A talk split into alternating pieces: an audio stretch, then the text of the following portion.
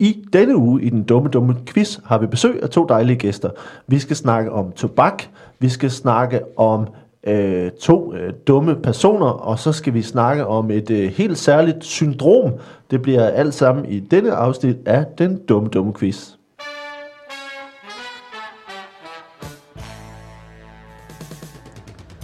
Velkommen til den dumme, dumme quiz, og velkommen øh, til mine øh, to gæster i den her uge. Velkommen til øh, Morten Wigman Goddag. og til Trine Munk. Hej, hej. Hej, hej. Uh, velkommen til. Uh, uh, hej, det er godt. Er I glade? Strålende. Strålende. Strålende lige bra. Ja. Uh, hvad, hvad, hvad er det, der er så strålende? Øh, det er jeg bare begyndt at sige, når folk spørger, om jeg har det godt. Fordi Det er ikke nødvendigvis, nødvendigvis sandheden. jeg har fundet ud af, at jeg har sådan en anden ting, hvor hvis jeg siger, at det går fint, så spørger folk, nej, virkelig? så jeg begyndt at sige strålende, når folk spørger mig.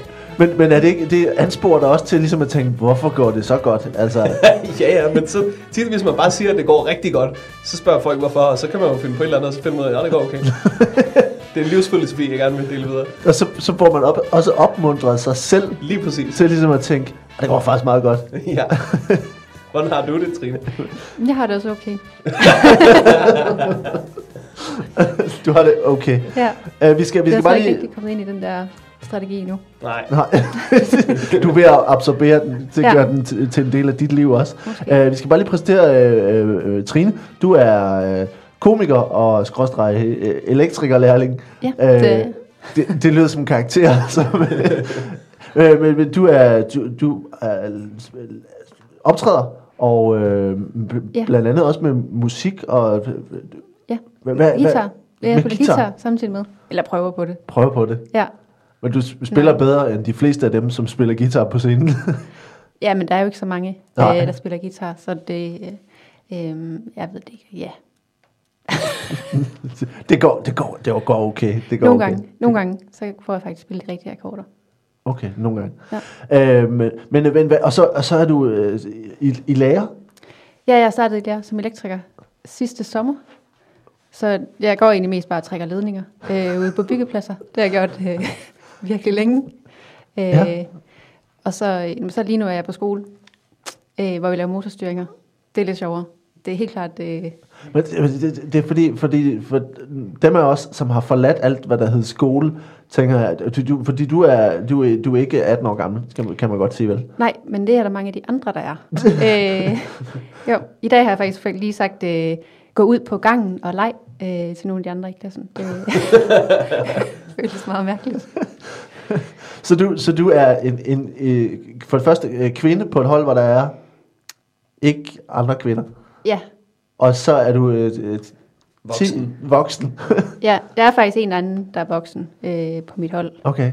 Øh, Men, det, men jeg tænker mig, hvad, hvad, den beslutning, altså jeg skal bare forst- forstå, fordi at det der med at blive voksen, og så tænke, jeg skal have mere skole, det, det virker, for mig virker det ulogisk. Altså, det, det, det tror jeg ikke vil ligge det vil du for ikke mig. gøre. Nej. Øh, men det var nok heller ikke rigtig sådan, jeg tænkte. Jeg tænkte mere, jeg vil gerne have flere penge på et tidspunkt. Ja. Jeg tjener ikke altid så meget på at spille mærkelige sange. Nej.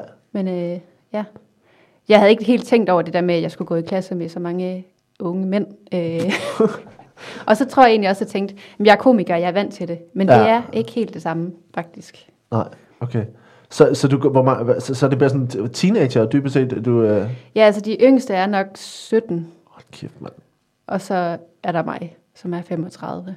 Så Du, du, for det meste er det faktisk unge. Der er også nogle af dem, der er rigtig søde. Der er også nogle af dem, der er rigtig søde. Ja. Okay. Morten, hvad, hvis, du skulle, hvis du skulle starte forfra, du har, du har slet ikke nogen uddannelse. du skal ikke engang starte forfra. Hvor Du længe skal, jeg skulle starte for, du skal bare starte. jeg har en gym- gymnasiel uddannelse, du. der, der har du, Jeg har, jeg har gået i gymnasiet, Okay. faktisk. men det bliver du færdig med. Det, jeg klarede den. Yep. Og øh, det, jeg, var den, jeg, var, jeg var en af dem der, der havde... Øh, vi var den første, med den nye, første årgang med den nye karakterskala. Ja. Og så det, der skete efterfølgende, det var, at man bare begyndte at smide om sig med 12-taller. så al- altså sådan alle, der har gået på min årgang, og var okay gode i gymnasiet. Ja. Du kan ikke bruge det til noget, hvis du skal ud af en uddannelse, fordi jeg havde, jeg havde et snit på 9,3, mm. som er fint, På Og det var det, dengang var det meget godt. På den Men nye nu, skala. nu får alle jo 12,1. Ja. Og, og du, hvis du skal blive noget, så skal du have, have 13 i gennemsnit eller gange det, eller det er helt fucked. Så jeg har droppet det. Det er det her, eller ikke noget. Det er det her eller ingenting. Ja. Hvis du skulle have en, øh, en øh, sådan et, et faglig uddannelse, hvad skulle, hvad skulle du så... Øh, Øh, så tror jeg, jeg er blevet sådan en rigtig dårlig journalist. altså, hvis jeg skulle være det nu, så ville jeg blive en god en. Ja, ja, ja. Men hvis jeg bare var startet efter gymnasiet, så var jeg blevet dårlig. så du har siddet et eller andet sted på et lokalblad og, og har lavet en dårlig historie? Jeg tror mere, jeg havde siddet og skrevet et eller andet lorte clickbait for øh, oh. øh, Connery.dk eller sådan et eller andet Ej, helt skidt. Babe Magazine eller ja, sådan noget. ja. Her er de 12 bedste patter. Nummer 7 vil chokere dig. Den slags. Det er ellers godt clickbait, umiddelbart. Nummer Jeg 7 tror- vil chokere dig. Kommer an på, hvilken rækkefølge du kigger på dem i. Men en af dem. Ja, det, og, det, og du kan selv bestemme, hvad for en ende du starter i. Ja, ja. Alt efter, hvor hurtigt du vil til nummer syv og blive chokeret. Ja, det er selvfølgelig rigtigt. Nå, jeg, jeg, tror, jeg tror sgu ikke, altså det der med, for jeg, jeg, jeg blev, jeg havde, har en rigtig uddannelse, eller sådan en, øh, i hvert fald semi, øh, jeg er uddannet fra CBS, så det der med ligesom at endelig at blive færdig, altså det tog kraftet med 10 år at komme igennem sådan hele det der universitetssystem. Hvad har du brugt det til? Uh, ja, lige nu sidder jeg i... Vi sidder jo i det samme lortede podcast tre. så i virkeligheden så ender man samme sted. Han ender det samme sted. Det er skæbnen, du. Altså, det er, det, det, om du så trækker ledninger eller, eller, eller og ryger pot, det er fuldstændig lige meget, du gør. det, Det tror jeg også. Det er, det, det er det samme. Det er fedt. Ja, det er det fuldstændig det samme. Nå, men øh, vi- det er dejligt, I er her, og vi, øh, vi skal have noget, noget quiz. Øh, det her er, det her er den, den dumme, dumme quiz, og jeg stiller spørgsmål. I får lov til at svare så dumt og så forkert som muligt. Og øh, når I så har svaret, så giver jeg, øh, så giver jeg det rigtige svar. Øh, der er der det, at på et tidspunkt, så kan jeg finde på at lyve. Og hvis I kan gætte, hvornår jeg lyver, så kan I kalde pi og vinde pi-point, eller tabe pi-point. Øh, I får point fra 1 til 5 for, for hvor langt jeres, jeres svar er fra virkeligheden, og fra 1 til 5 for, hvor dygtigt og detaljeret det er. Øh, på et tidspunkt, så skal vi have en omgang øh, fup eller dumt, øh, og øh, vi skal også have en omgang, øh, de, er dumt, øh, de er begge to dumme, hedder det. Øh, Jeg har øh, måske 14 forskellige titler til alle segmenter her. Øh, men i første omgang, så skal vi bare høre, om I, I er med på det. Jeg det er med det på bliver det. en lille smule Ja. mørkt herinde, fordi solen går for, for skyerne. Øh, men øh, jeg synes, vi skal starte over... Øh, Vi kan jo tænde noget lys. vi, vi kunne tænde noget Det lys. ligger... nej, det Nej. kan det. Der er ikke nogen... Øh, Den nogen er uden for døren. Må gerne, må gerne Okay, tænde. elektrikeren siger nej. Ja. Det bliver ikke sådan noget. Så skal vi ud af døren. Okay, whatever. Skal vi Lad os gøre køre. det? Skal Gør vi? det. Gør Ja. det. Ja. Jeg Okay. ordner lige lyset så. Tak. Og øh, Trine, Trine går udenfor med... Øh, hun, den er, jeg tror, prøv, prøv udenfor. Det er der ikke. Trine, hun installerer lige en lampe og, og trækker, trækker noget lys. Det findes ikke, det er lige meget. Okay. Øh, men øh, vi, skal have, vi skal have det første spørgsmål, og det er, det er til Morten. Øh, det her er et spørgsmål om, øh, om tobak, som du måske kender lidt, lidt til. Øh, mm-hmm. I 1800-tallet, der brugte man øh, tobak til blandt andet også medicinske formål. Men øh, på hvilken måde var det, man anvendte tobak, og hvad var det, det kunne øh, kurere? Øh, jamen, øh, dengang, så brugte man jo øh, tobak til, til mange ting. Mest til at hygge sig, øh, men øh, så brugte man simpelthen også til at kurere øh, kvinders hysteri. Ja, Øh, det var jo en, en anerkendt sygdom dengang. Det var, at kvinder kunne blive simpelthen øh, hysteriske. Og så øh, det du tog, øh, det du gjorde, det var, at du tog øh, alt det tobak, du kunne have i en håndfuld, ja. og så puttede du det ind i munden på dem.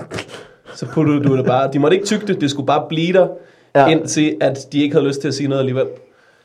Så det var, det var sådan noget, øh, lægen det ligesom ordinerede. Og så øh, det virkede ofte. Hvis det ikke virkede, så øh, fik du udleveret sådan en hel øh, tobaksplante, og så skulle du slå hende med den, indtil hun stoppede med at være hysterisk. Og, og, og, Det er ikke, altså det er jo, jeg er ked af, at det har været sådan, Ja. men det er jo simpelthen virkeligheden. Altså, Så man startede, startede, altså man havde puttet tobak ind i du munden på puttede dem, tobak ind i munden på dem, for Indtil at få de dem til får- at holde kæft. Indtil de fortrød, at de ville have sagt noget. Indtil de stoppede med, ligesom du ved, forestil dig, at du kommer hjem, og så at, at du, det er, øh, det er det lang tid siden det her, ikke? Så, så siger din kone, øh, hvorfor har du, øh, hvorfor har du skidt ud i gangen? så det er du træt af at høre på, ikke? Du er Ja. sådan lidt, åh, altid med, hver dag skal du brokke over, at jeg skider ud i gangen. Kælling, jeg skider i gangen. Altså, Og så tager du, øh, dit, så tager du dit tobak, som lægen har ordineret, ikke? Ja. Det ligger ud i, øh, i toiletskabet, og det hiver du lige ned, og så smækker du det ind i munden på hende. Ja, Så har hun ikke noget at sige. Og på den måde, så forsvinder alt hysterien fra dit liv. okay. Øh, og, Og det virker, altså jeg siger jo ikke, at det øh, virker. Jeg siger bare, at det var sådan, de brugte det. Men hvordan, hvordan reagerede øh, kvinderne på de behandlinger? Øh. Altså, hvis de var hysteriske i forvejen. Ja. Det, man bliver jo ikke mindre hysterisk, øh, finder man nu ud af. Ja. Altså nu har man undersøgt sagen, og det viser, Men at har- man bliver meget mere hysterisk Ja. af at blive slået, eller få puttet tobak ind i munden. Vi har jo meget mere viden i dag. Altså, så, så altså, det kan man jo se i dag. Ja, og nu har vi fundet ud af, at, at, at, at altså nu har vi fundet ud af, at man kan ryge tobak. Jo. Nå. Og det var sådan, det, Det vidste man startede. slet ikke Nej, det vidste man ikke dengang. Der startede folk med at ryge det, fordi at, øh, når man- de tænkte, "Nå, men nu har jeg det inde i munden, øh, hvordan skal jeg komme af med det? Jeg må ikke tage det ud, jo, min mand står og kigger. Og så begyndte så man ild til det, så begyndte man at ryge det. Satte man ild til tobak, man havde til, inde i at munden? du havde tobakken inde i munden, og så satte du ild til den. Altså, Ja. det, Senere- det var kvinderne, der simpelthen fandt på. Det var kvinder, der fandt på øh, øh, rygning, Nå, simpelthen. Så på den måde har I mange øh, have brændt, menneskeliv øh, på samvittigheden. ja, det er rigtigt. Det, det kan jeg godt se. Mm. Men Fordi- det må have gjort ondt. Jeg tænker også, at man må have brændt sig. Ja, og det var også der, man begyndte at mistænke, at rygning var usundt.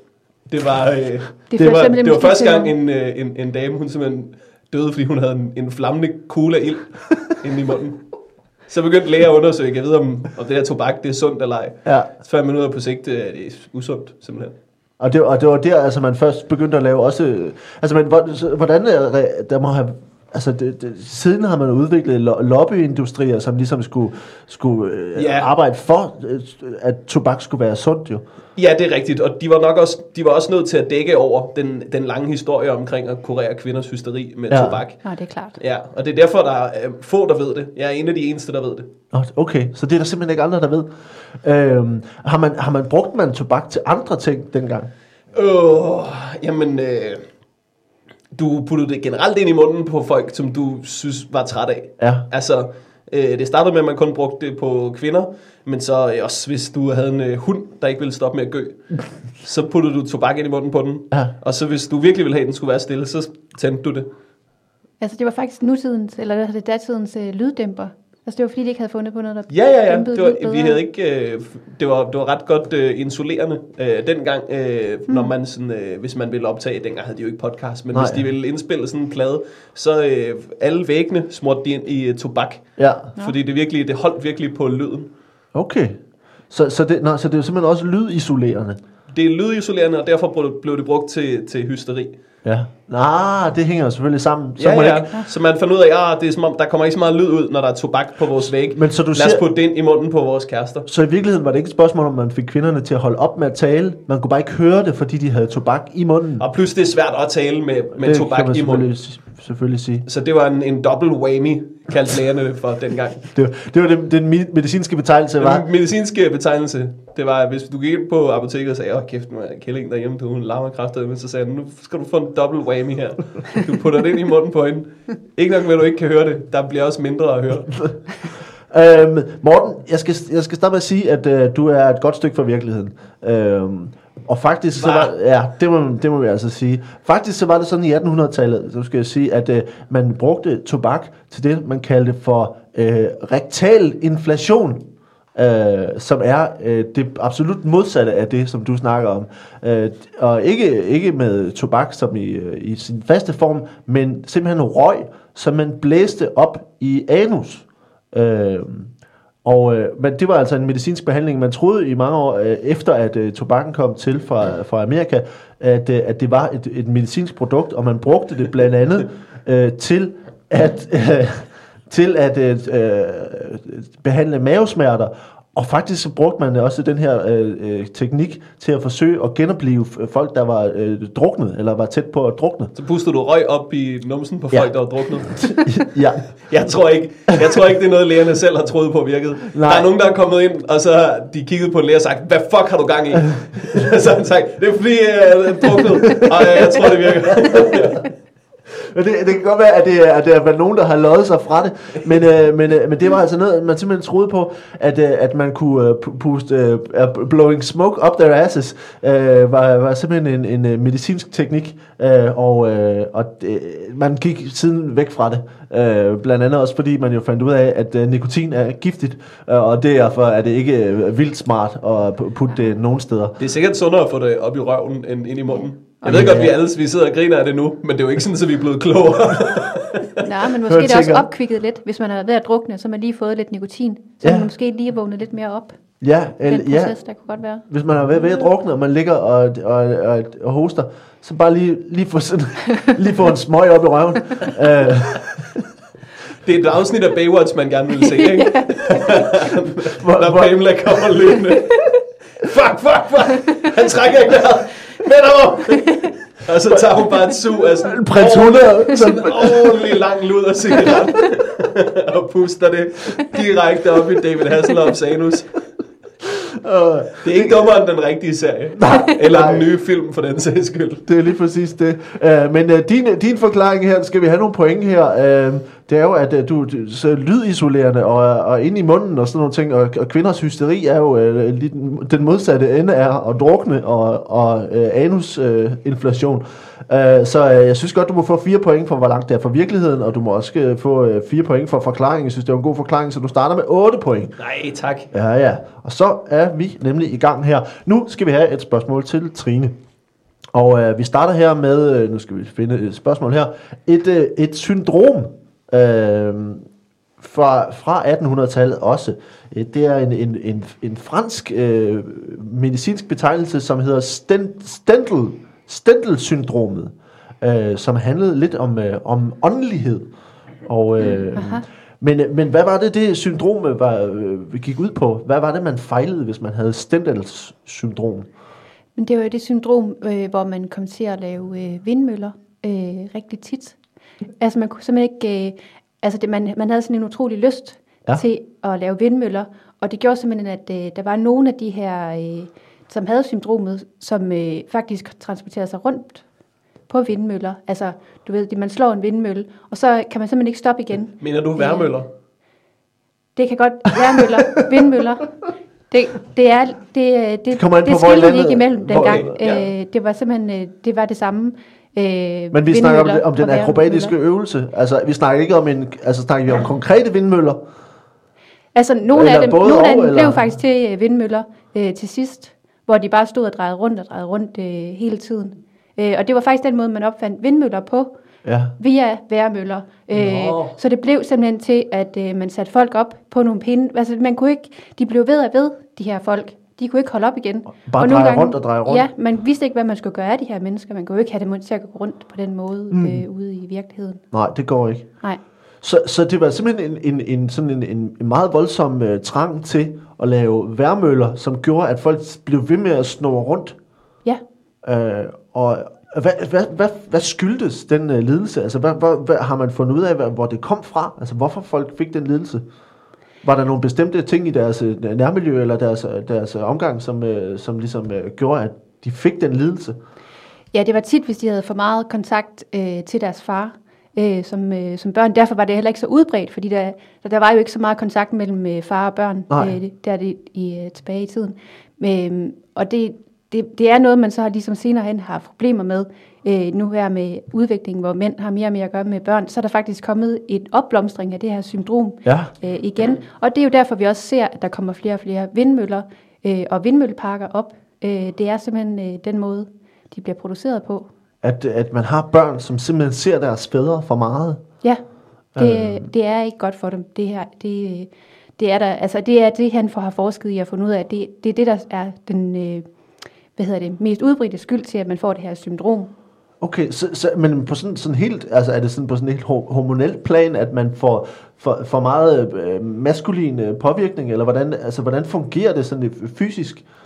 Altså det jo, det går mest i lemmerne, kan man sige det på den måde. Ja.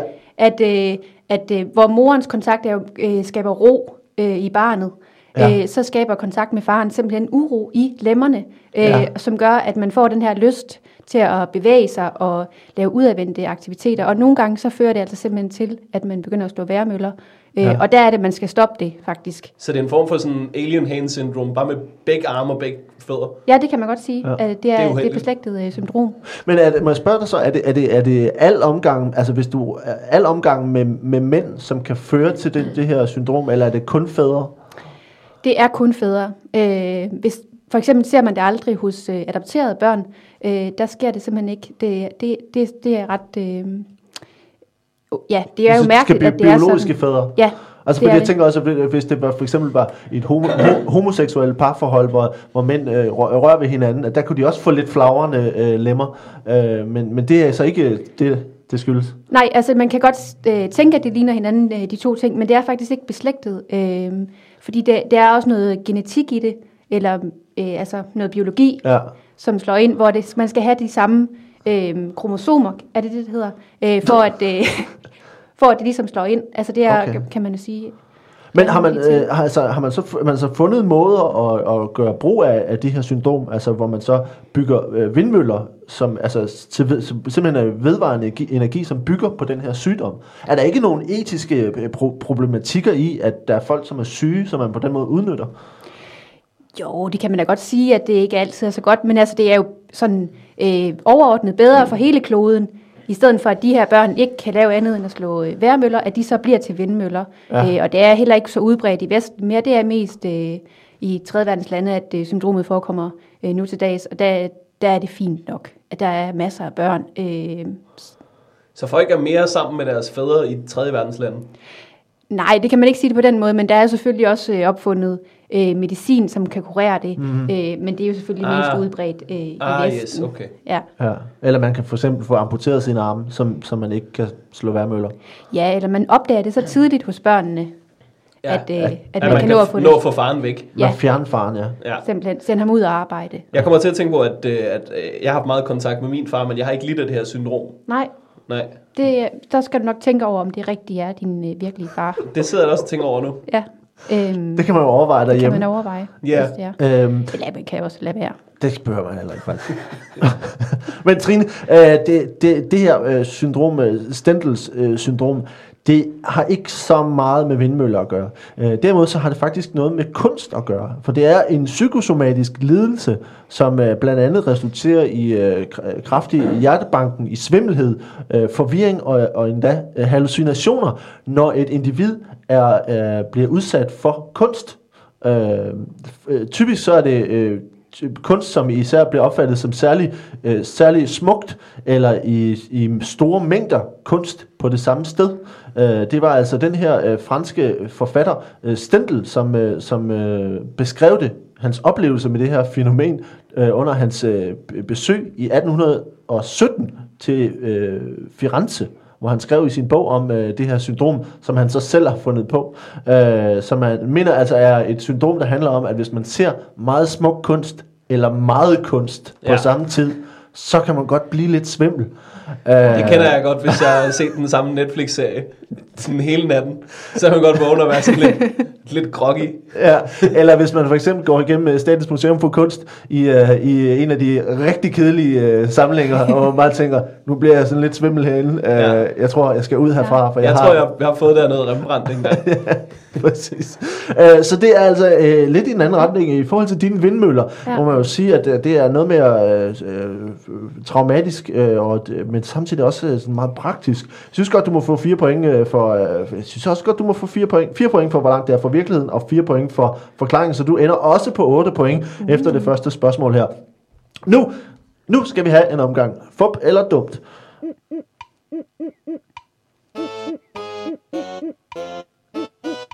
Fup eller dumt? Fup eller dumt? Fup eller dumt er altså her, hvor øh, jeg har tre stykker fakta, og øh, de to af dem er helt rigtige, og den sidste er et, jeg har fundet på. Okay. Øh, jeg læser dem alle tre op, og I må altså gerne snakke sammen, men skal give hver jeres bud på, hvad I tror er fup. Øh, og øh, vi starter med et, et gang fup eller dumt, som vi har fået tilsendt af Henriette, som øh, sendte på facebook.com-dumquiz, øh, som øh, sendte det her øh, til os, og hvis man har ting derude og har lyst til at sende øh, dumme ting, man finder på nettet eller i sin hverdag, så send det endelig til os, øh, så tager vi det med og laver quiz ud af det. Henriette har lavet en gang, øh, en hel omgang fup eller dumt, om Københavns Universitet. øh, ja. Øh, og det kommer her, fup eller dumt. Øh, nummer et. I 1917 begyndte man at bespise studerende, og i folkemunde hed spisestuerne Kannibalen. Nummer to. I 1753 oprettede Ludvig Holberg et duelegat til unge mænd, der flyttede til København langvejs fra og ønskede at have brevduer til kontakt med familien. Og nummer 3. I 2009 blev en kemistuderende anholdt og sigtet for at have fremstillet knap et halvt kilo methamfetamin i universitetets laboratorier. 1, 2 eller 3. Hvor- Kan jeg få årstallet for nummer to? Nummer 2 var øh, 1753 og Ludvig Holberg, ikke? 1, 2 eller 3. Fup eller dumt? Jeg kalder, øh, jeg, jeg kalder at, øh, at toeren er fup. Jeg tror ikke, Ludvig Holberg kunne finde på at lave et brevduelegat. Det er brevduelegat. Ja. Ej, Hvor- jo, hvorfor? men det er ikke, men ja. Det er fordi, fordi helt generelt, så det var som om, at du ved, dengang havde vi jo ikke fundet på SU endnu, så hvorfor skulle vi have fundet på, at vi betaler dine brevduer? Jeg tror, jeg tror bare ikke, det sociale øh, sikkerhedsnet dækkede over, at Du- du, folk, der du-nettet. var kommet langvejs fra for at studere, de skulle da også have muligheden for at sende en brevdue hjem. Der tror jeg, at Ludvig Holberg han havde en strict uh, I don't care politik. Er du, er du, er du kære? uh, hvad, hvad siger du, Trine? Hvad er din overvejelse? Øh, jamen, jeg tror måske, at den, øh, den første er fup. Du tror, at... Jeg tror simpelthen ikke, at de, øh, at de ville være så grove over for de studerende, Nej, mens de skulle spise. nej. Hvem tænk, altså det der med tanken om, hvem er det, der er blevet kogt nu? Jeg ved, jeg ved ikke. gryder? Men Så vi, vi er fuldstændig enige om, at der er en, en lærer, der i 2014 har produceret en, metamfetamin. stud, en kemi, kemi, Det lyder sandsynligt. Ja, ja. kemistuderende. Hvorfor skulle han ikke det? Det tror. I, øh, det er Morten, der har ret. Det er den, der er fup. Det er altså yes. Holbergs øh, duelegat, som, øh, som Henriette har fundet på. Øh, det er altså det, spisestuerne på Københavns Universitet er, er, hedder Kannibalen, og er altså den første af sin slags, hvor man, øh, og grunden til det var Kannibalen, var det fordi, at de åbenbart var meget sultne studerende, så derfor blev der ligesom frådet helt vildt. Øh, det er en, en gammel historie, øh, som er, altså det er en flere hundrede år gammel øh, institution, og så i 2009, der blev en kemistuderende anholdt, fordi han havde lavet et halvt kilo meth. Og, øh, og faktisk havde det den konsekvens, at man øh, på kemistudiet, hvor jeg tror, at øh, Henriette går, ikke har kunne øh, komme ind på studiet, altså på, øh, på universitetet, efter klokken 17, øh, eller, ud, eller i weekenderne. Si, altså indtil for... Fordi man har lavet meth. Indtil som i for et år siden, altså det er lige sådan her for nyligt, at hun sagde, jeg tror det var sidste år, at det er blevet tilladt, at studerende kan lukke sig selv ind på, stu- øh, på universitetet igen. Og I ved, hvad det betyder, ikke? Ja, jo. At det lige om lidt... Det lige om er lidt. jo, 2009, det er jo, det er jo inden Breaking Bad, det her. Ja, præcis. Det er ret vildt, de Jeg har synes, været. det er point for at være original til Ja, det må man sige, og ham, vi- læreren. Og vi skal sige uh, tak til uh, Henriette for, uh, for at sende, sende det her. Uh, det er, er dejligt. Uh, der var altså tre point til Morten og et minuspoint til Trine. Og uh, vi får en omgang fodbold og dumt mere her om sprog. Uh, uh, nummer et. Che de Rochinol uh, er fransk og betyder uh, jeg har nattergale. Og det er en, en forklaring på, eller øh, det er, undskyld, ja, det betyder, at man har uforklarlige øh, lyde, der kommer fra sin bil. Je de Rosinol, ah, jeg har nattergale, øh, på fransk. Og øh, nummer to, i antikkens Grækenland betød ordet idiot alle, der ikke var politikere. Øh, og nummer tre, på estisk betyder Mikihasi paren innemaki, en kvinde, der kigger bebrejdende på sin overvægtige mand. Et, to eller tre. Fup eller dumt. Øh, jeg kan ikke forstå, hvorfor italienere skulle kalde alle, der ikke var politikere, for idioter. Øh, græker. Øh, Var det antikken- grækere? Nå, var det, jeg troede, du sagde italienere. Nej, nej, græker. Øh, Okay, så kan i- jeg lidt forstå det. I antikkens Grækenland betød ordet idiot alle, som ikke var politikere. Ej, det, lyder, det lyder da sandsynligt. Synes du ikke det? Ved du hvad, jeg holder stadig på den. Det er fordi, at, og, og det, det er ikke engang fordi, jeg ved det, men det er fordi, at da du læste nummer 1 og nummer 3 op, Ja. der snublede du i talefejlen. Der snublede du, da du skulle læse det op. Ja. så du Og så rettede du dig selv. Hvorfor skulle du rette dig selv, hvis du var ved at sige noget, du selv havde fundet på? Jeg siger stadig to. Du siger to. Hvad siger Trine? Jeg siger nummer tre, Du siger tre. tror jeg. Jeg ja. tror ikke, at estiske kvinder har brug for... Og kigge bebrejdende på deres bebrejdende på I deres hvert overvægt. fald, ja, jeg tror, jeg tror ikke, de vil gøre. Nej, jeg synes, vi skal, måske, vi skal have et, ord for det på alle sprog, hvis det ikke findes. altså, Det er Trine, der har ret. Det er den estiske kvinde, der er fup. Øh, så, fordi det, jeg, tror, jeg tror ikke, det betyder noget som helst. Uh, men det var altså i antikkens Grækenland, og der var det alle andre end politikerne, der var idioter. Uh, og så har man det der udtryk på fransk, som jeg siger, uh, jeu de original, at, uh, at hvis man ikke kan forklare lyden i sin bil, så har man nattergal. Det synes jeg er meget sådan finurligt. Meget fransk i virkeligheden. Det er rigtig, Du rigtig, gå ned- fransk. Prøv at gå ned til din mekaniker og i dag og sige, Ja. ja. hej, øh, jeg bare sige, uh, min bil, jeg har nattergale. Det, det er simpelthen så fransk. Det irriterer mig, hvor fransk det Det er er. virkelig fransk. Jeg vil være sådan, det er ikke fordi, at dit bil, din Skoda er ikke et eventyr. du, du har passet dårligt på den, din Ja. franske lort. Hvordan siger den? Det er, det er meget, meget fransk. Uh, vi er nået til halvvejs her, og uh, det er sådan, at, uh, at uh, I har begge to 10 point, uh, inden vi går, uh, går videre til det sidste. Men vi skal bare lige have en uh, kort reklame. Den dumme dumme quiz er sponsoreret af dig. Øh, ja, lige præcis dig. Øh, fordi der er nemlig en masse søde mennesker, som er gået ind på tier.dk og har givet et par kroner per afsnit. Man kan tilmelde sig derinde, og øh, så trækker vi øh, de beløb, som du gør, hver gang vi laver et afsnit. Øh, det er en fantastisk øh, smart side, som gør, at øh, vi kan få nogle kroner, og I kan få lov til at støtte os. Sikke en win-win, double whammy. Øh, og så gå ind på tier.dk. Øh, det vil være så dejligt, hvis I bare vil give et par kroner per afsnit, fordi så kan vi få lov til at gøre det her for evigt. Og øh, ellers så skal vi huske at gå på iTunes, øh, give en anmeldelse, give øh, nogle stjerner med på vejen, så vi kan blive øh, flere, der kan følge med, og det kan blive endnu mere synligt. Og øh, som sagt, hvis I har idéer, så gå ind på facebook.com skråstreg, dumquiz. Den kan I selv øh, lægge råd med. Øh, Jeg vil gerne råbe pi.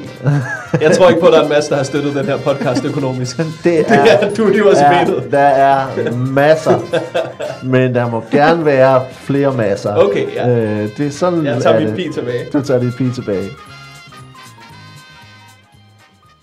Vi skal tilbage til quizzen, og øh, vi skal have en omgang nu af det, som øh, jeg kalder for De er begge to dumme. Det er altså her, hvor jeg har to kendte personer, som har en, øh, en forbindelse. Der er noget, som de begge to øh, har i deres liv, som øh, de har til fælles. Og øh, vi skal have jeres bud på, hvad I tænker, øh, det kunne være. Mm-hmm. Uh, I står fuldstændig lige her efter de første runder, uh, så, uh, så nu kører vi her. Uh, de er begge to dumme handler i dag om uh, de her to personer. Den ene er uh, Ho Chi Minh, uh, den uh, kommunistiske vietnamesiske leder Ho Chi Minh, og den anden er Dolly Parton, altså country-sangerinden Dolly Parton. Uh, men hvad er det, de to uh, har til fælles? Uh, det kan være, at Morten vil, øh, vil starte med at forklare, hvad det er, lige præcis Dolly Parton og, øh, og Ho Chi Minh Ja, har eller havde til fælles. øh, det de har til fælles, og det er der ikke mange, der ved, det er, at øh, de begge to, øh, det er øh, de begge to, de er folk inden for deres køn, der har fået flest øh, plastikoperationer. Ja, Dolly Parton er den kvinde, der har fået flest, og det er mange, der måske ved. Ja, ja. Men der er ikke mange, der ved, at Ho Chi Minh faktisk er den mand, der har fået flest plastikoperationer. Nej. Og øh, det er klart, at dengang han fik dem, der var de ikke, øh, altså, der var de ikke særlig, øh, altså, der var de ikke så gode til at lave dem. Nej. Det var faktisk meget mere bare øh, tage en Margrethe-skål, og så stræk, putte den ind under din hud. og det fik, og det fik Ho Chi Minh altså lavet. Det fik han lavet, øh, fordi at han, øh, han ville gerne have, han ville gerne have ekstra respekt. Øh, han ville gerne have, at folk så ham som, du ved, en, en stor leder, der på nogen måde var sådan øh, nærmest en, en, en gudeskikkelse. Øh, og så fik han øh, simpelthen opereret Margrethe skål ind på forskellige kropsdele. Okay, for, ligesom på at, hvil- for, for at gøre ham selv større og stærkere. For ligesom at få sig selv til at se buff ud.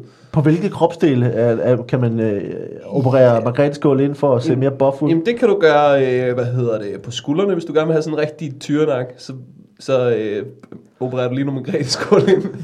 og så øh, kan du også, øh, hvis du gerne vil, altså man skal huske ikke at springe leg day over, ikke? så Ja, du det kan også smide nogen på læggene og altså på, øh, på bicepsene. Generelt Ja. bare, øh, hvis, altså det var hans udgave af ligesom disco-pumpe. Må jeg det spørge? var- ja. Det var at putte Margrethe Skål ind i sin Hvordan, krop. hvordan påvirkede det hans, altså hvor, i- hvornår i hans liv fik han gjort det? Altså, altså for nu var han var jo leder under Vietnamkrigen. Øhm, Ja. Øhm, og han gjorde det ret tidligt. Ja. Altså han gjorde det, da han besluttede sig for, at jeg vil gerne være leder. Jeg vil gerne, jeg vil gerne bestemme. ja.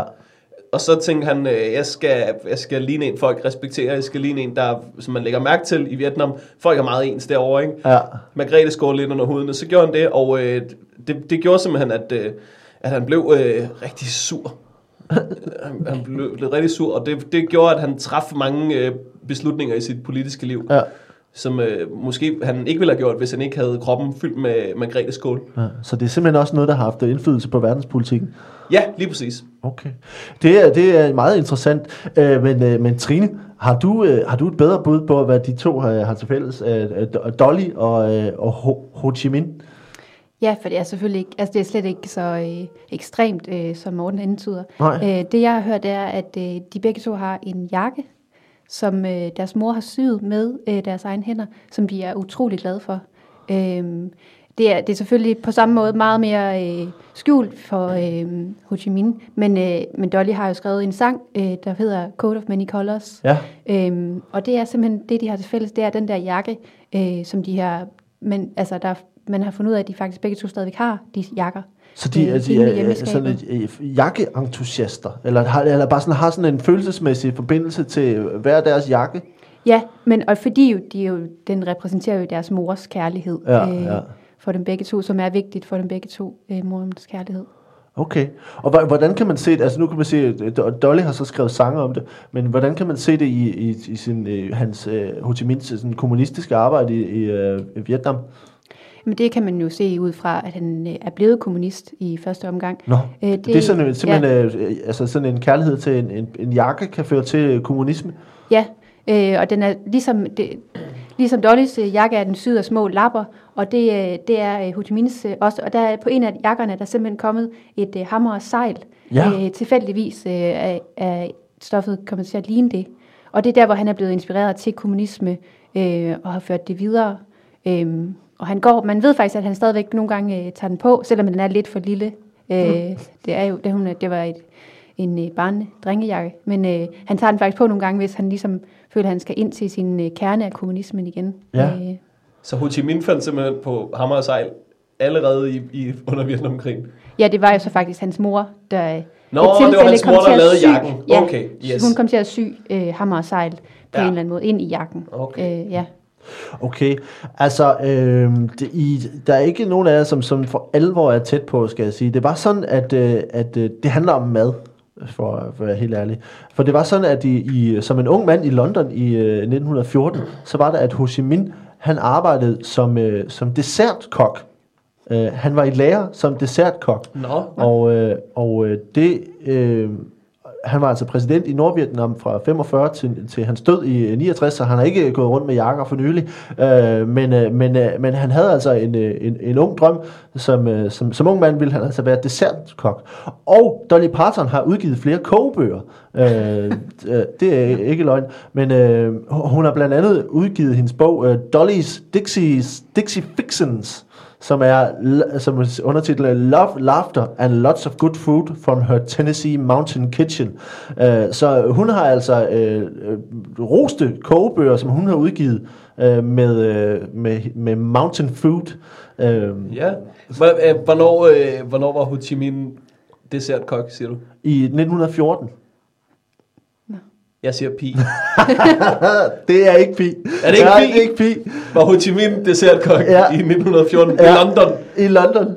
Ja, Okay. han, han rejste, altså, øh, han rejste jo også, han var også i, øh, i Frankrig, hvor han også arbejdede som kok, øh, fordi jo, øh, Vietnam var jo en, en fransk øh, territorie, øh, og det er jo der udgangspunktet for Vietnamkrigen var, en, en konflikt med Frankrig. Ja. Øh, så han er, så han som ung mand har han været i, øh, i Europa, øh, og blandt andet også der, han er blevet øh, politisk aktiv som, som kommunist.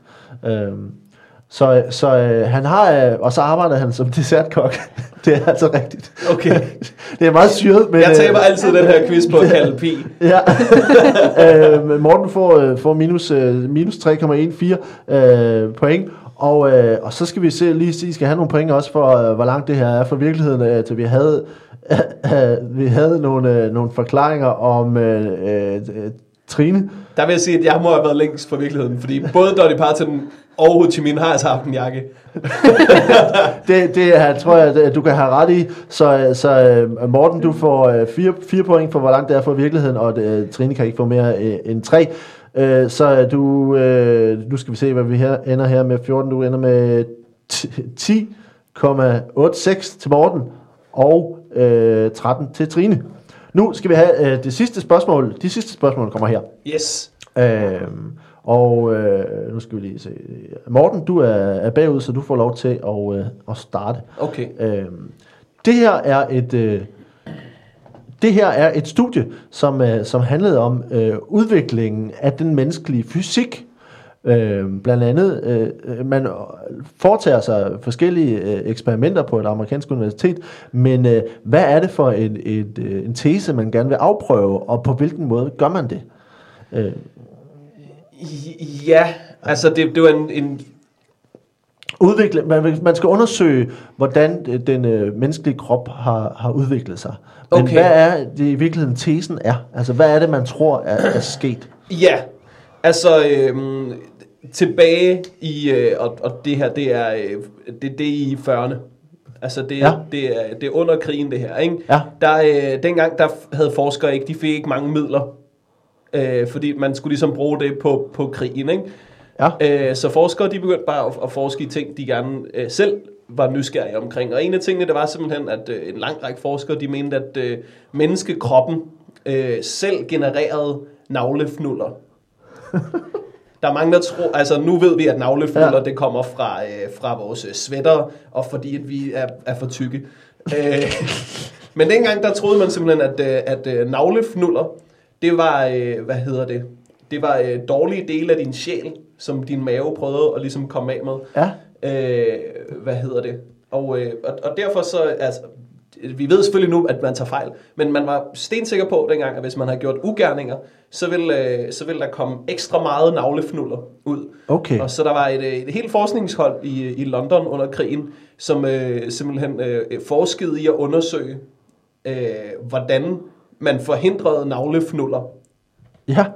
Øh, og, og hvordan man ligesom reddede de folk, der havde navlefnuller. Det blev betragtet som en, en, en, en frygtelig øh, ugerning at have navlefnuller. Ja, ja, ja, ja. Og det blev også forsket øh, i Tyskland, så det er simpelthen begge fronter af 2. verdenskrig, der, der har sådan en kapløb om, hvem der først kan løse navlefnuller-mysteriet. Ja.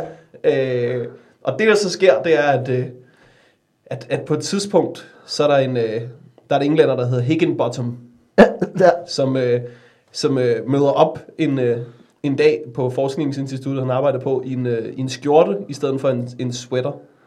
Øh, og så lægger han mærke til dagen efter, at han, han ikke har navlefnuller. Og så, øh, så kan du nok forestille dig, at de har følt sig dumme. Ja, så har de, så har de Når det, sig. det de opdager, at, at det, det, det er vores sweater, der gør det. Men, men, Men de brugte simpelthen øh, op øh, mod 20-30 millioner pund på at undersøge øh, det her navlefnuller. på navnefnulleret. Ja. Og øh, at det eneste, der så afgjorde krigen, 2. verdenskrig, det var, at, øh, at tyskerne, de havde brugt, øh, altså, altså hvad der svarede til 100-200 øh, millioner pund Ja. på navlefnuller. Men hvorfor, og hvorfor var det, at tyskerne ikke havde, havde nået det, når de nu havde investeret så kraftigt i det? Hvorfor var de til- ikke vandt det kapløb? Jamen, det er jo, altså, det er jo fordi, at de ikke... De altid mødte op på arbejde i sweater. Nå. Så de fik aldrig løst mysteriet. De brugte hele krigen på at finde ud af, hvor kommer det her navlefnuller fra. Ja, Og, og hvad hedder det? Englænder, de gjorde det kun i, i, i, i fire år. fordi de der tilfældigvis var Så, en, var, der... ja, så de sparede lige et- år der. Ja. Og så tyskerne, du ved, altså når først de har sat sig noget for, så kan man jo ikke... så, kan- så kan man ikke øh, overbevise dem om noget andet jo. Kan man ikke. Uh, så, man, så man fandt ud af, at det, det bare var sweater.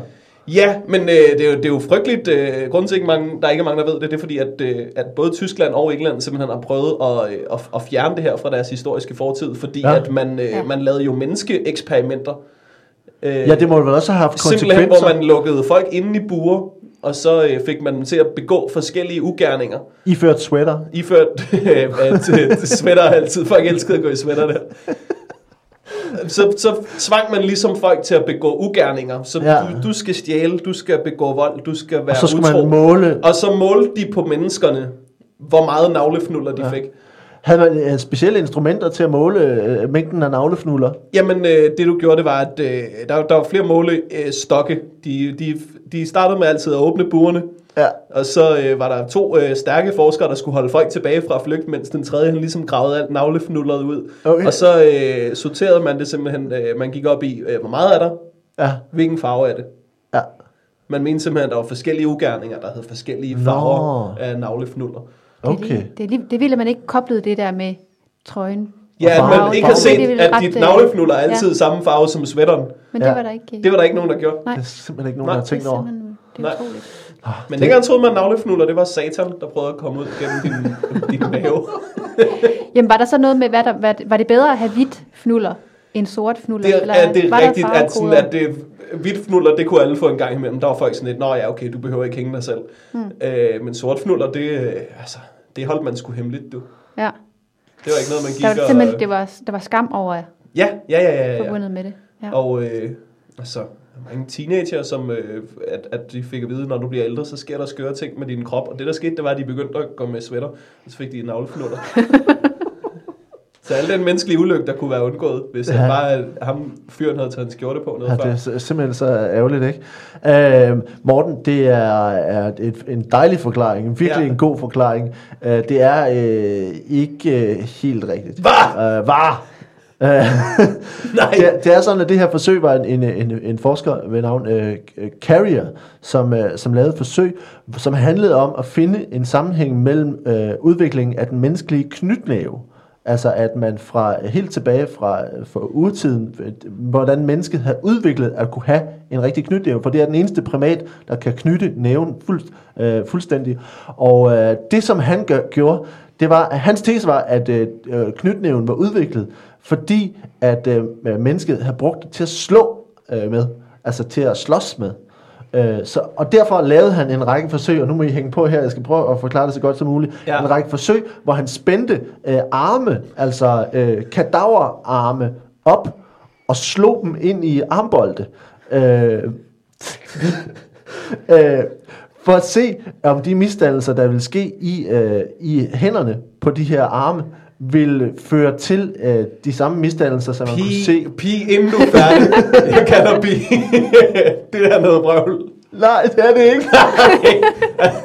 Fuck, jeg mister mange point på det der. Okay, hvad gjorde han så, din fucking løgner?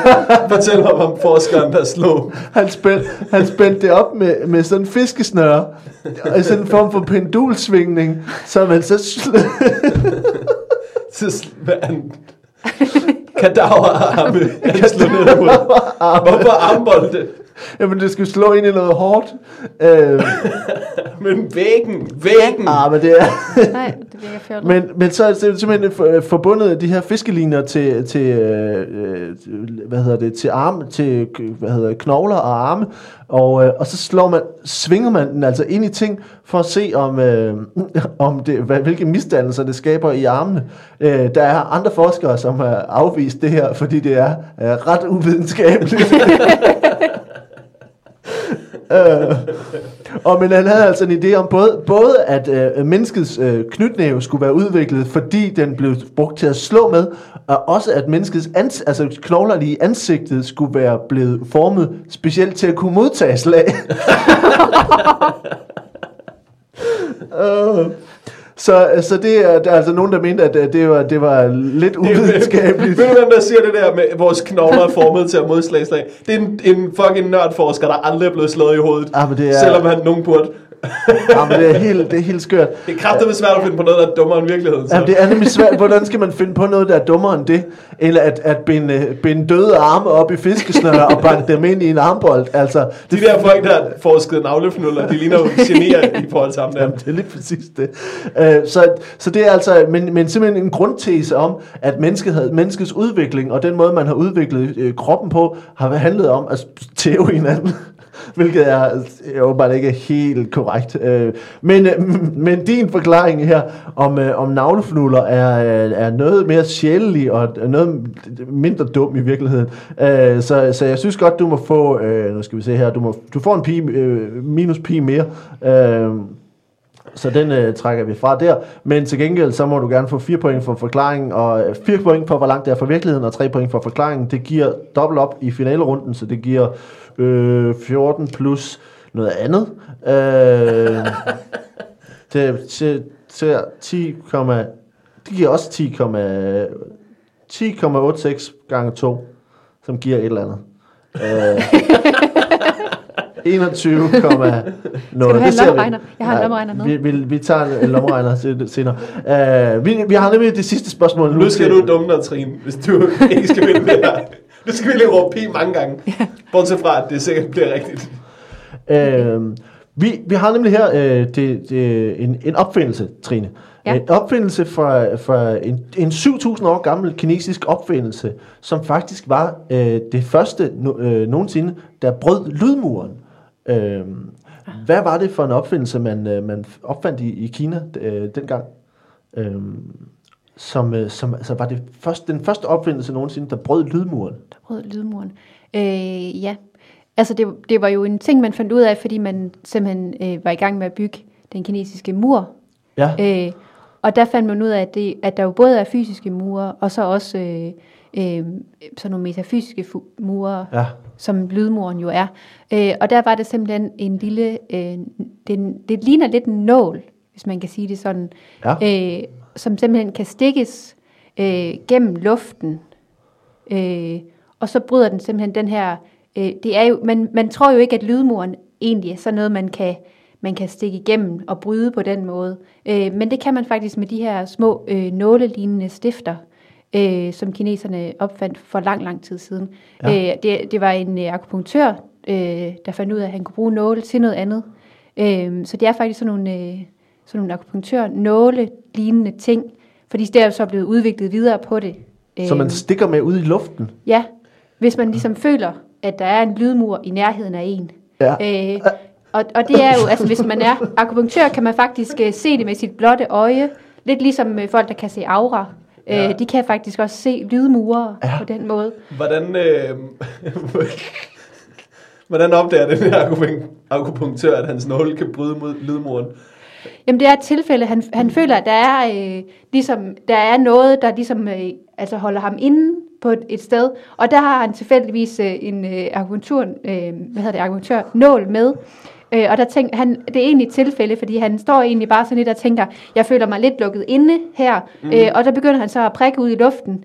Øh, egentlig lidt bare sådan, for det, det gør han egentlig også nogle gange, hvis han ikke rigtig ved, hvad, hvad han, når han lige skal tænke, hvor skal jeg egentlig stikke den her nål hen? Ja. Ja. Øh, og så kom han simpelthen til at stå og prikke ind i lydmuren, øh, okay. som var den her, øh, som han faktisk lidt kunne se, og da han så også prikkede det rigtige sted, forsvandt øh, den der aura-fornemmelse faktisk for ham, og der, der var det, han begyndte at, øh, at prøve at... Så er lydmuren sådan en, en rigtig usynlig mur? Ja, øh, Okay. ja, det er det, ja, det er den faktisk. Øh, det fandt det. Og Det- hvor, hvor går den mur til og fra? Men altså, det, det er jo ikke en mur, der sådan er øh, øh, fast. Den, kan jo, den bevæger sig ligesom forskellige steder hen. Altså mm. ligesom aura, så har vi alle sammen en aura, og der er der også forskellige lydmure i, i universet, øh, som opstår og forsvinder igen, jo når de så bliver prikket øh, tilstrækkeligt i dem. Man må så spørge, hvad, hvad brugte han den her opfindelse til? Altså, hvad brugte han det til, sådan rent praktisk? Altså, hvad, hvad, hvad, hvad, hvilken gavn havde det? Øh, men det, han brugte det så nok ikke til meget andet end at, øh, altså at få den til at forsvinde fra sig selv. Mm-hmm. Øh, men senere hen har kineserne jo øh, udviklet øh, altså strategier, hvor de har brugt det, at de havde den viden, mm-hmm. og resten af verden ikke havde den Ja, viden. det er klart. Øh, ja, det, det vil det.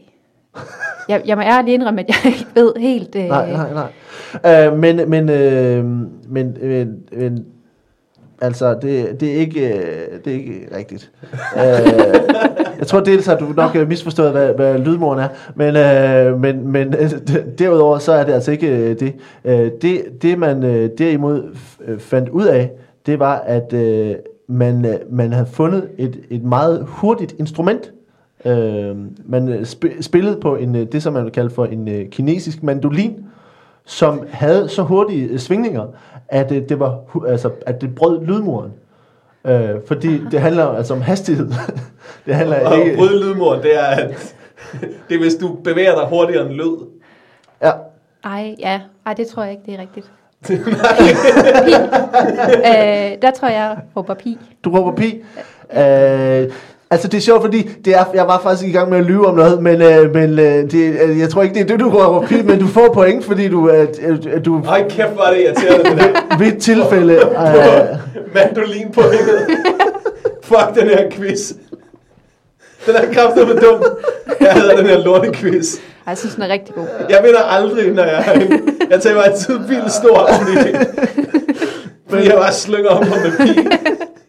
Men, men Trine, det, er jo- altså, for den rigtige historie er, at faktisk så var den, den opfindelse, man havde, det var, at man i øh, Kina øh, for 7.000 år siden opfandt en pisk, som, øh, som havde øh, faktisk den første, det var den første opfindelse, der øh, brød lydmuren. Det er sådan, at, øh, at det smæld, der er i en pisk, øh, jo ikke er, øh, det fandt man ud af først langt senere øh, omkring øh, i 1900-tallet, at det smæld, der er i en pisk, ikke er, at det rammer noget, men derimod, at den hastighed, der er i, i enden af pisken, er så hurtig, at det bryder lydmuren, og derfor øh, laver man det, som man hedder, kalder for et, et overlydsbrag. Øh, et sonic boom, som er, at man bryder lydmuren så hurtigt Er kommer... det her rigtigt? Det er rigtigt. Nej, hvor spændende. Ja, det er jo ret øh, Så interessant. Indiana Jones, han bryder lydmuren sådan, altså 100 gange det, i den det, film. det, det, pisk, det, det pisken gør. Øh, og det er altså ikke... Prøv at tænke på alle de der folk, der har spillet tid på at, at bygge hurtige biler, der skulle bryde lydmuren. De kunne bare have taget sådan en lille, lille bil, Bare- bare sat for enden af sådan en pisk. Ja. Hvad så Guinness? Så er det på plads. Men det er det, siger, at, at, at lyden, der, lyden er altså den, det, det loop, der er øh, i, i, i piske, piskebevægelsen, øh, når ledere ligesom looper ud for enden og, øh, og, og slår ud. Det, det er det, der er, at hvor det går så hurt, hurtigere end de her 742 øh, miles i timen. Og det er altså det, der bryder øh, øh, lydmuren. Ja, øh, så men, øh, men, øh, men, men øh, Trine, du, øh, øh, for det første har du misforstået, hvad lydmuren er, øh, eller i hvert fald løjet om det, og øh, så det er forkert, øh, det er meget forkert, og øh, at det skulle være en form form for akupunktur, hænger heller ikke sammen. Øh, så jeg synes, du må få, øh, det er meget imponerende, du får 5 point for, hvor langt det er fra virkeligheden, øh, og du må få øh, 3 point for forklaringen, så du er 8, det giver 16 plus, du har 29 plus en pi, det giver 32,14, og Morten, du har 21,72, øh, så, så du øh, har tabt. Jeg bøjer mig i støvet. Trine er betragteligt dummere, end du er. Men jeg vil også være dum. det vil også være dumt. Vi er, vi er nået til vejs ende, og øh, det har været en stor fornøjelse at have jer øh, forbi her. Øh, inden vi smutter, skal vi bare lige høre, om der er noget, vi skal gøre øh, og, og reklame for. Vi, øh, vi er først ude om, øh, om to uger, så vi er optaget lidt på forhånd. Er der noget i løbet af efteråret, I skal gøre reklame for, som I laver? Øh, hvis der, man skal have lagt nogle ledninger ind, eller øh, et relæ, der skal testes. På det Øh. tidspunkt om to uger, der kan du have vundet DM i stand-up jo. Ej, det er... Men, Kan du ikke det? Ej, det er først til Nej, det er efteråret. senere. Det er faktisk Det er det er først til efteråret. Ja. Finalen er først Jeg kan være efteråret. gået videre, men det... Du kan være gået videre. Ja. Okay, så tag ind og Men, se øh, Trine i DM-finalen. Jeg lægger pres på dig nu. Ja. Kan du mærke det? Vi regner alle sammen med dig. Ellers så kom ind og se mit show, hvor jeg helt, helt sikkert øh, trækker nogle ledninger rundt ja. omkring øh, til september til Sule Comedy Festival. Det hedder, det, kan, det hedder overgangsmodstand. Overgangsmodstand, som er, er det ude på Lygten station? Øh, Det er på øh, Play på Play og på huset. og på huset. I Så det- København.